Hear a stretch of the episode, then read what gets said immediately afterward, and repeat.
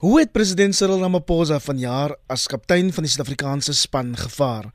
Wie was ons beste en vrotste politikus? En watter politieke skuwe gaan 'n bepalende invloed op 2020 hê? Dit is van die vrae wat ons vanaand in die heel laaste kommentaar vir 2019 gaan probeer beantwoord. Hartlik goeienaand. My naam is Iver Price en die saampraters is die bekende politieke kommentators, professor Dirk Coetzee van Unisa Nancy Dirk. Goeienaand alweer. En ook Theo Venter van die Noordwes Universiteit se Besigheidsskool. Welkom weer Theo. Goeienaand.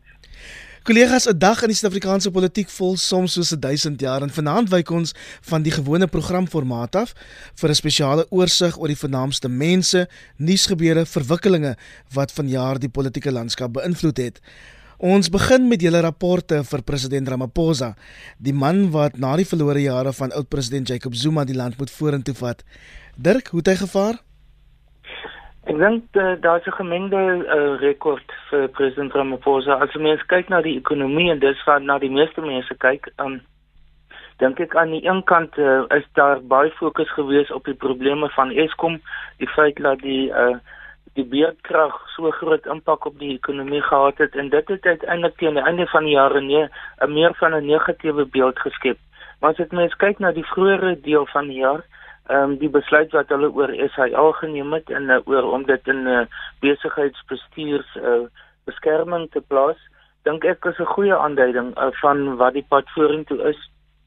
Die inter, die internasionale beleggingskonferensie, die tweede ene verlede jaar was daar ook een geweest dit was die meeste mense sou sê dit was miskien nie soveel dit was net nie soveel van aandag getrek nie maar dit was weer eens relatief suksesvol geweest.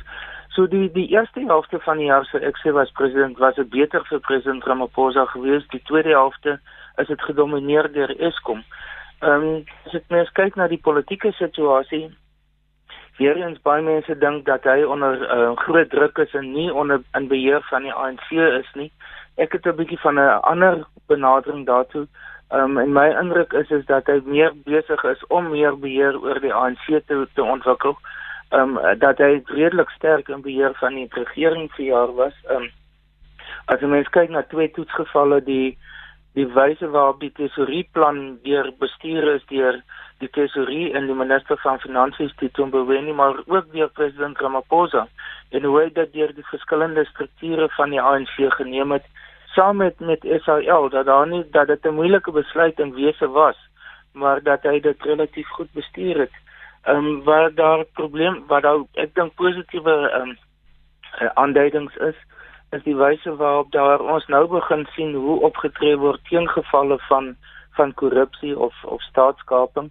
Ehm um, van die jongste is is dat die minister van justisie nou Dubai toe wil gaan maar Bongani Bongo is is in die hof gewees president Ramaphosa ag um, Zuma was weer in die hof gewees um, die voormalige burgemeester van eThekwini of die groter Durban was in die hof en mense rondom dit is gearresteer so daar's besig om volking plaas te vind so ek dink in die algemeen sou ek sê dit was vir hom 'n baie moeilike jaar waarskynlik een van sy moeilikste jare in die politiek maar terselfdertyd dis hy stel na my mening stelselmatig besig om om welvordering te maak.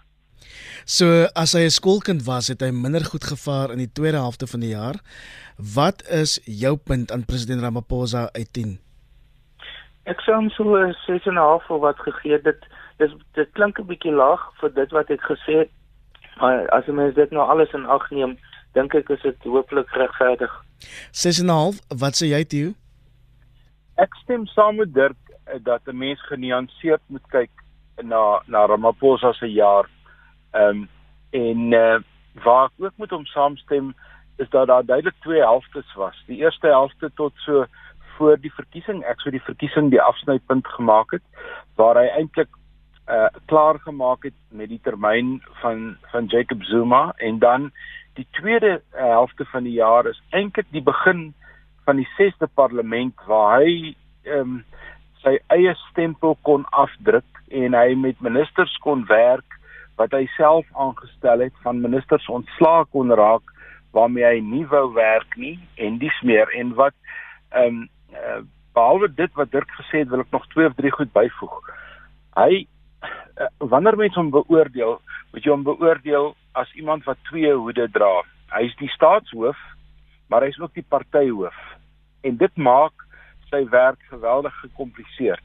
As staatshoof dink ek het hy die regte goed op die regte tyd gesê. Ek sou hom ek sou hom nader aan 'n 7 wou gee as staatshoof omdat hy ordentlike toesprake lewer en hy hy sy staatsrede is kort en kragtig 6 of 7 punte waarmee 'n mens kan werk en dis meer. As partyleier, die ander helfte van sy opdrag, dink ek was dit minder suksesvol bloot omdat hy nie soveel beheer oor die party kon uitoefen as wat hy as staatshoof het nie. Die terugdruk van binne die ANC was omvangryk en ek stem met Dirk saam. Aan die tweede helfte van die jaar het hy 'n baie beter prestasie behaal en kon hy iemand soos Ys Magashule 'n bietjie meer aan bande lê um, en dis meer en kon hy waarskynlik die belangrikste besluit neem dink ek wat hy kon neem beide as staatshoof en as partyleier en dit was um, die ekonomiese transformasie dokument waarna Dirk verwys het En dit is vir my belangrik omdat dit 'n uh, ideologiese skuif is. Dis nie sommer net pragmatiese politiek wat gebeur het nie. Hierdie hierdie uh, dokument vra dat daar sekere dramatiese veranderinge aan die ekonomie gebring moet word. Nou, hierdie is nie 'n ekonomiese program by verstek nie. Dis eintlik meer polities, maar wanneer 'n uh, ideologie verskuif, dan stel ons in die politiek baie belang daarin want dit beteken dis hoe mense dan dink oor oplossings vir die land. En dit is ehm um, ander maniere en ander maniere van kyk na die probleem. En dit het in die tweede helfte van die jaar gebeur. So ek sou ek sou ehm um, ten spyte van al die negatiewe nuus en Eskom en en die SAL en die goed het wel op sy wag plaasgevind. Maar dit is goed wat lank aan die kom was. Ek ek sou hom 'n punt gee nader aan 7 as 6 en 'n half. So Dirk, wat is die grootste uitdagings wat president Ramaphosa heel eerste in 2020 in die nuwe jaar gaan moet aanpak? Wel ek dink die heel eerste een is is om verby die begroting te kan kom. Uh, die begroting het nou 'n 'n fokuspunt geword vir die beoordeling van die Suid-Afrikaanse ekonomie. Ehm um, so dit dit dink ek is een van die heel eerste belangrike hekkies waaroor die president Ramaphosa as as leier van die regering en as leier van die ANC sal moet kom want hulle gaan vroeg in in Januarie die 8de Januarie is die die amptelike herdenkingsdag van die ANC moet hulle 'n beleidsverklaring uitreik as as ANC wat die basis gaan vorm van sy staatsrede later in in 'n groot mate van die begroting ook. So dit dit sou ek sê is die eerste belangrike punt. Die die tweede belangrike punt is dat daar die nasionale um, in Engels noem hulle die National General Council, die nasionale algemene konferensie van die ANC gaan plaasvind. En hy gaan sy uh, sit so 'n um, posisie binne die ANC sal hy ba daar baie definitief moet uh, in die openbaar wys dat hy dit kan konsolideer. So die Ysmagasule en ander groeperings wat moontlik nog probeer om dit terug te trek sal baie 'n baie duidelike teken daar moet kry dat hulle nie meer in 'n in 'n sterk bedingingsposisie binne die ANC is nie. So dit dit sou ek sê is van die eerste heel belangrikste punte. Die die tweede gaan wees soos ek uh, ons nou gepraat het is wat gaan wat gaan ons sien vir die res van wel vir die begin volgende jaar met betrekking tot die moeilike besluite oor Eskom oor en hoe die voorbeeld van SAL gaan oorspoel na ander besluite van binne die regering en die staatsondernemings wat ek vermoed um, dat dit waarskynlik 'n toetsgeval was van hoe om om, om Eskom tot tomate te bestuur maar ook van die ander staatsondernemings en en dit gaan waarskynlik een van die grootste uitdagings vir president Ramaphosa volgende jaar wees. Ehm um, en en dan gaan wat nie binne sy domein val nie, maar wat ek dink belangrik vir hom gaan wees uit 'n meer politieke oogpunt is wat gaan gebeur met die met die DA se konferensie in April. Ehm um, en hoe gaan die die EFF na hulle eie konferensie nou in Desember, middel Desember, hoe gaan hulle hulle self posisioneer vorentoe want dit lyk asof daar nuwe dimensies ook aan ontwikkel is binne die EFF vir al die feit dat hulle nou hulle self as groter as Suid-Afrika en in ander Afrika lande inreik en hoe dit ehm um, die die posisionering van hom as die as die leidende figuur in die internasionale verhoudinge in Suid-Afrika of dit dit moontlik dit gaan raak of nie. Tio Ek sou twee goed wil byvoeg um, om nie te herhaal wat Dirk gesê het nie. Ek sou wou sê dat twee van sy grootste uitdagings vir volgende jaar, ehm um, die een gaan wees plaaslike regering. Ehm um, plaaslike regering gaan volgende jaar baie diep in die in die in die in die in die spervuur wees want ehm um, binne omtrent 'n jaar van nou af, miskien 'n bietjie meer, het ons 'n uh, groot nasionale plaaslike verkiesings wat plaasvind, kom ons sê rondom April, Mei maand 2021 en die voorbereiding daarvoor vind plaas in terme van hoe goed word plaaslike owerhede bestuur. En saam met die Eskom probleem loop natuurlik plaaslike owerhede. En alhoewel ons metropole redelik bestuur word behalwe Bloemfontein en een of twee ander is die groot krisis in die land versprei oor die kleiner dorpe en stede en dit is besig om baie ernstig agteruit te gaan. Die regering gaan in die loop van volgende jaar baie dringend moet kyk oor oplossings. Ek weet hulle stel nou voor dat daar 'n soort van 'n distriksbestuurstelsel ingestel moet word,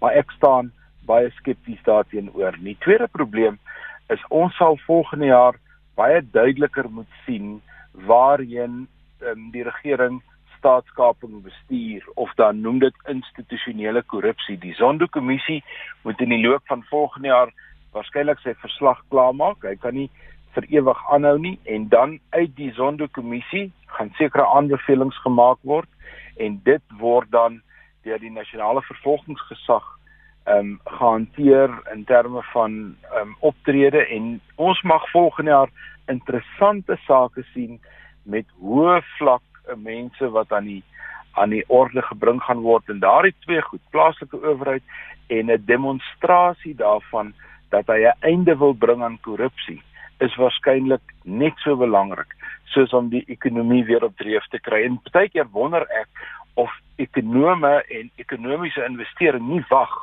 vir daardie goed om te gebeur sodat hulle die investeringsklimaat kan verbeter en hulle eintlik 'n beter gevoel kry oor Suid-Afrika. Maar dinge kan net beter raak as die president ehm um, kan steun op 'n suksesvolle kabinet en ook 'n parlement. En dis nie geheim dat daar soms ook twyfelagtige karakters in ons politiek is nie. Dirk, wie is jou beste en ook jou vrotste politikus van die jaar? En die vrotste een om mee te begin sou ek sê is die burgemeester waar ek woon en dis in Tshwane. Stevens van Galapa wat uh, ek weet nie hoe om dit te beskryf nie, maar net 'n uh, uiters groot politieke foute gemaak het. Ehm um, persoonlike foute ook. So maar en boonbehalwe dit op 'n meer ernstige noot, ek dink die persoon wat miskien baie mense teleeggestel het hierdie jaar was uiteindelik Musi Maimani. Ehm um, die feit die wyse waarop hy die WA se verkiesingsveld toe hanteer het dat daar nie regtig baie rigting was in hoe hulle dit gedoen het nie dat daar nie 'n fokuspunt gewees het nie dat dit begin fragmenteer het um, en na die die bedanking van Urban Mashaba hoe hy eh, selfs met die bedanking van Urban Mashaba hoe hy eintlik begin het om teen sy eie party te begin praat um, en sonder dat daar werklik 'n leidinggewende of rigting uit hom uitgekom het. Nou, so ek ek dink dit dit was vir baie mense en vir myself dink ek was dit 'n 'n teken van 'n persoon wat waarskynlik sy politieke loopbaan afgesluit het daar. So jou politieke mampara van die jaar Musi Maimani, watter punt gee jy vir my 10? Nou hier rondom 'n 4, so Stevens moet gelapa miskien om minus 1. Ehm um, in die geval van van die beste politikus ehm um, dis 'n baie moeilike vraag. Ek het uiteindelik begin dink miskien moet ons kyk na sommige gewese politici wat weer begin prominent word het. Ehm um, mense soos president Mbeki het begin betrokke raak weer veral in Afrika konteks uh die vorige uh adjunkminister en president en president en Kgalema Motlanthe speel 'n baie stabiliserende rol binne die ANC oor die algemeen en dan die veterane van die ANC wat onder andere die integriteitskomitee uh van die ANC gedwing het om 'n besluit te neem oor Bongani Bonga en ander. So dit is die die positiewe elemente wat ek sien, maar op die oomblik is daar min politici. Ons het nou oor president Ramaphosa gepraat, so ek sluit hom nie hierby in nie. Ehm um, wat nie op die oomblik regtig leidinggewende en uh, persone is wat wys dat hulle besig is met 'n visie nie. Dit sluit tot 'n groot mate ook die uh, die EFF en uh, hulle het nou kom nou net van 'n konferensie af, maar mens weet nie nog nie regtig wat uh, die toekoms van die EFF gaan wees nie. So Dirk kon nie 'n uh, politieke uitblinker van die jaar vind nie. Hy gaan krap daar rond by die veterane. Theo, wat sê jy? Jong, as 'n mens kyk na die na die Mamparas van die jaar is daar nogal sterk kompetisie uh beginnende by mense soos Mzwanele Manye en Slaudi Motsoeneng selfs Kanton Pile wat hier aan die einde van die jaar om ook daar begin indruk het aan Dile en Sitama met die van die BLF ek sou selfs Esma Gashule en daai groep wou insit en en ook oud president Jacob Zuma. Ehm um, en dan iemand wat tegnies nie 'n politikus is nie, maar soos een gedra is ons openbare beskermer Bosiwe uh, Makwebane. Ek ek dink tussen hulle moet mens kies en dan dan staan iemand so slou die natuurlik kop en skouers bo almal uit vir my as die as die uh, selfs sy optrede voor die Zondo-kommissie het maar net eenvoudig gewys hoe op aarde het die man ooit in die stelsel beland. Ehm um, gelukkig is hy is hy nou daar uit. En dan het ek dieselfde ehm um, dilemma as Dirk om die beste politikus. Uh, daar is in Suid-Afrika op die oomblik 'n redelike negatiewe sentiment oor politici. Ehm um, of dit nou ou politici is en of dit nuwe politici is en ek dink dit het te doen met die stand van die politiek, dit het te doen met ons onvermoë om op te tree teenoor uh politici, die nuwe ministers wat ehm um, uh president Ramaphosa aangewys het, het nog nie genoeg tyd gehad om hulle werklik te vestig in hulle in hulle posisies nie. Ehm um, Jackson en Tembo het potensiaal gehad.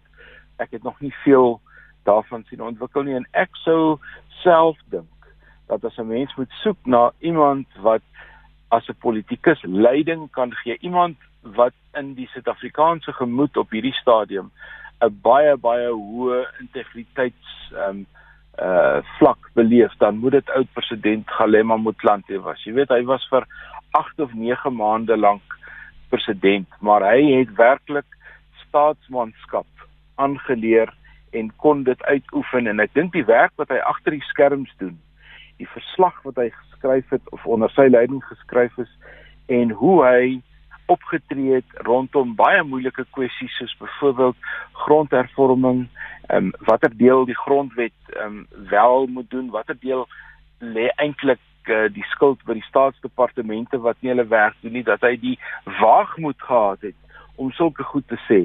Dink ek tog ek sou hom uitgesonder het as as my as my man van die jaar. So albei van julle stem nogal saam oor oud president Galema Motlanthe, uh, maar dit sê nogal iets dat ons nie in die kabinet 'n minister kon kry um, of 'n parlementslid wat as politikus van die jaar uitgestaan het nie.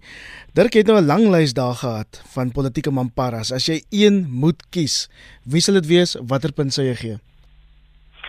Wel ek ek as ek moet kies sou ek sê eintlik uiteindelik uh, Musi Maimani as gevolg Skus, van die impak wat jy het gesê Musi Maimani Tio as ek vir jou daai vraag moet vra? Slaudi Slaudi moet van ning en jou punt? Nee Slaudi kry nie punte nie. Ek sal by 0 bly. Ek kan nie laer as dit gaan nie Kollegas, ons beweeg vorentoe met die gesprek hier op kommentaar, ons oorsig oor 2019. Wat is die een politieke skuif of gebeurtenis van 2019 wat 'n bepalende invloed op 2020 en Suid-Afrika se toekoms kan hê?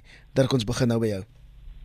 Dit is moeilik om een uit te sonder. Ek ek dink ek het ten minste twee sou ek sê is belangrik. Die een is die die die besluit van uh uh binne die DA om vir James self weg te skuif. Dit het 'n ketting effek gehad of 'n um, drumpel effek um, op die hele DA se be se interne situasie. Um in die DA of 'n mens uh, ondersteuner is van die DA of 'n kritikus van die DA, uh, hulle is belangrik as die amptelike oppositie en dit gaan 'n bepalende faktor wees in wat teen na verwys het as die komende plaaslike verkiesing. Dit het 'n bepalende effek op wat in die parlement gebeur. Um dit het 'n bepalende effek hoe die uh, uitvoerende gesag um uh, verantwoordbaar gehou word. So ek dink dis dis een baie belangrike aspek van wat gaan die toekomstige rol wees van oppositiepartye, baie spesifiek die die DA, miskien in 'n tweede tweede sin ook die die EFF. Die tweede belangrike punt is staan miskien dalk nie so prominent uit nie, maar dit is wat gebeur het met SAL. Ehm um, die feit dat en wat ons moet wat ons gaan sien in die komende jaar is of dit 'n werklike toetsgeval was vir hoe die ehm um, regering vorentoe staatsondernemings gaan bestuur want dit is uh, on, ongeag of hoe mense na die ekonomie kyk hulle speel 'n baie belangrike rol Eskom noem ons almekaar um, oor wat hoe die regering homself gaan posisioneer en hoe hy die instellings gaan bestuur as deel van die ruggraat van die Suid-Afrikaanse ekonomie. So die dit wat met SAL gaan gebeur, dink ek gaan gaan hoogs belangrik wees in 'n tweede sin um, is die sogenaamde ontwondeling van van Eskom hoe dit ehm um, geïmplementeer kan word en watter impak dit uiteindelik gaan hê. Ek dink dit dis as in as ons dit moet opsom is na my mening dis die mees belangrike momente of bewegings wat daar besig is om plaas te vind en wat na my mening 2020 baie gaan beïnvloed. Dio, wat is die dinge wat die plate bietjie geskuif het? Ja, ek sou ek sou ook twee goed wou uitwys. Die een is ehm um, ons moet in die loop van vroeg in 2020 moet daar duidelikheid kom oor artikel 25 van die grondwet. Waar waarheen gaan ons met grondhervorming? Hoe gaan ons dit implementeer? Ons het nou uh, aan die einde van hierdie jaar het ons nou gehoor van Toko Didiza en die die verslag wat wat ingelewer is by die presidentskap en dat die kabinet 'n klomp van die aanbevelings aanvaar het. So hierdie proses gaan in die loop van volgende jaar geïmplementeer moet word en dan moet ons sien gaan die grondwet ehm um, ernstig gewysig word, gaan dit kosmeties gewysig word en wat gaan die rimpeling daarvan wees deur deur die ekonomie en dan daarmee saam sluit dit eintlik aan by Dirk se ander punt oor die ekonomie en Eskom. Ehm um, hoe gaan die ehm um, besluit ehm um, en hoe gaan die begroting lyk in die hand van Trevor uh, of of Tito Mboweni se dokument oor ekonomiese transformasie en dit sluit natuurlik weer aan by Eskom en by al hierdie ander faktore wat daarmee saamgaan. So dit stuur weer af op die derde punt wat ek wil maak en dit is wat Dirk reeds genoem het die ANC se se se algemene raadsvergadering of uh, sy sy algemene konferensie wat Junie Julie maand moet plaasvind. Ek dink dit gaan hierso so van April maand af gaan dit heeltemal die media begin domineer. Want dan gaan ons stories begin hoor oor en daar is reeds sulke stories dat sekere dele van die ANC wil van hierdie ehm um, eintlik adviserende konferensie. Dis 'n beleidskonferensie. Wil hulle eintlik 'n verkiesingskonferensie maak? Nou die ANC se grondwet laat dit nie toe nie, maar nou weet ons daar's baie maniere hoe politieke partye funksioneer en so aan. So ek het 'n idee in die middel van volgende jaar gaan ons vasgevang wees by hierdie konferensie want dit gaan bepaal hoe Ramaphosa se volgende jaar of 2 gaan uitspeel.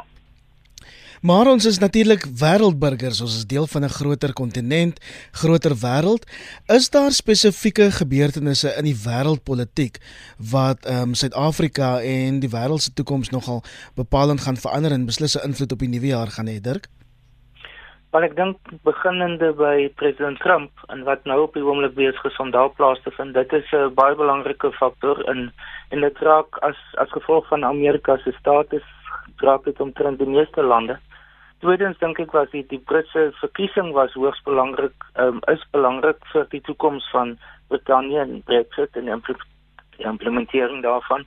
Ehm um, en dan dink ek wat wat iets gebeur wat nie noodwendig soveel direkte aandag trek nie, maar wat 'n tendens begin word het, is die die demonstrasies in baie lande in die wêreld, beginnende by Hong Kong, dieselfde in Frankryk, dieselfde in uh, Suid-Korea en in, in Chili in uh, ben, uh, Venezuela um, in uh, Ethiopië verskeie lande. En dit gaan oor verskillende aspekte maar uiteindelik baie oor die probleem van die die koste van lewe die lewenskoste um, die feit dat meer en meer mense begin werkloos word dat die die middelklas begin kleiner word dat die ekonomiese stelsel besig is om mense te byt uh, dat uh, die sogenaamde vierde industriële revolusie word som ja sommige gesien as 'n bedreiging vir werksgeleenthede.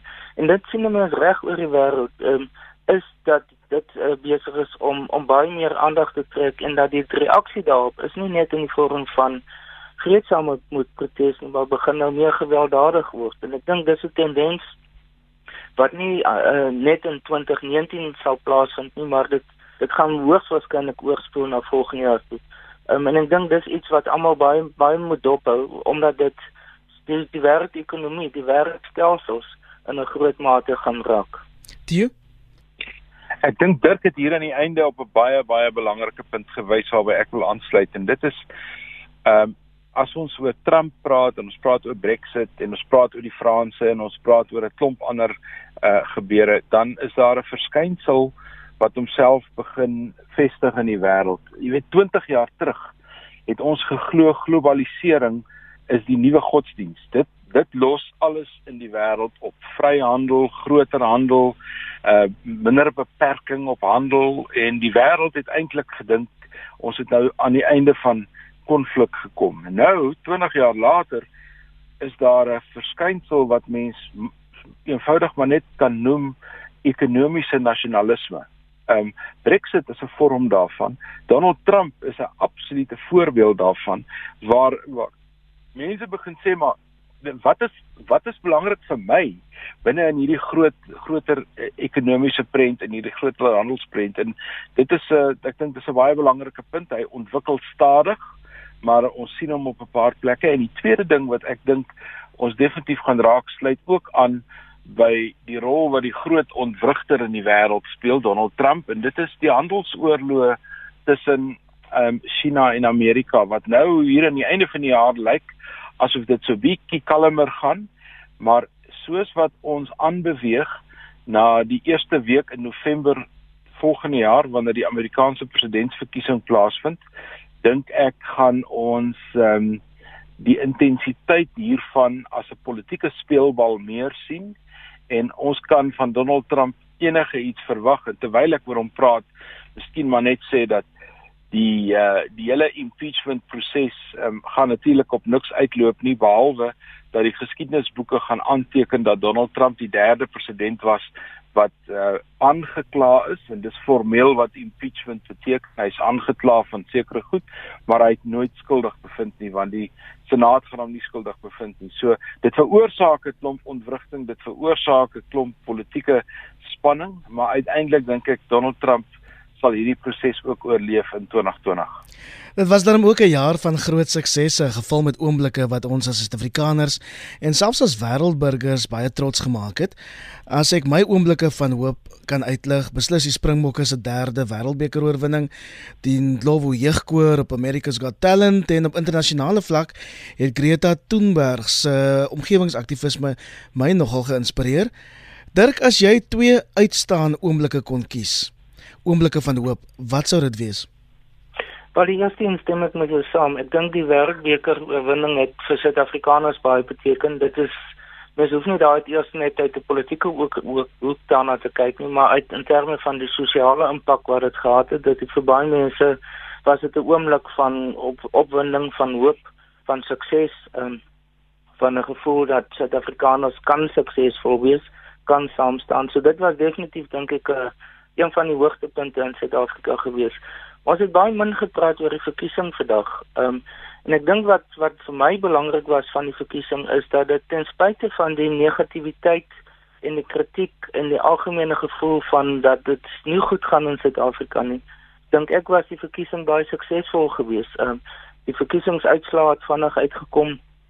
Daar was probleme van die kleiner partye wat daar kritiek gehad het oor die sogenaamde uh, artikel 24A twee keer moontlik kon stem, daardie tipe van aspekte. Maar as mens oorhoofs kyk na alles wat in die verkiesing plaasgevind het en selfs die uitslag, die feit dat daar nie een dominante uh, party uit dit uitgekom het nie, die ANC het gewen, maar met 'n min uh, met 'n kleiner meerderheid.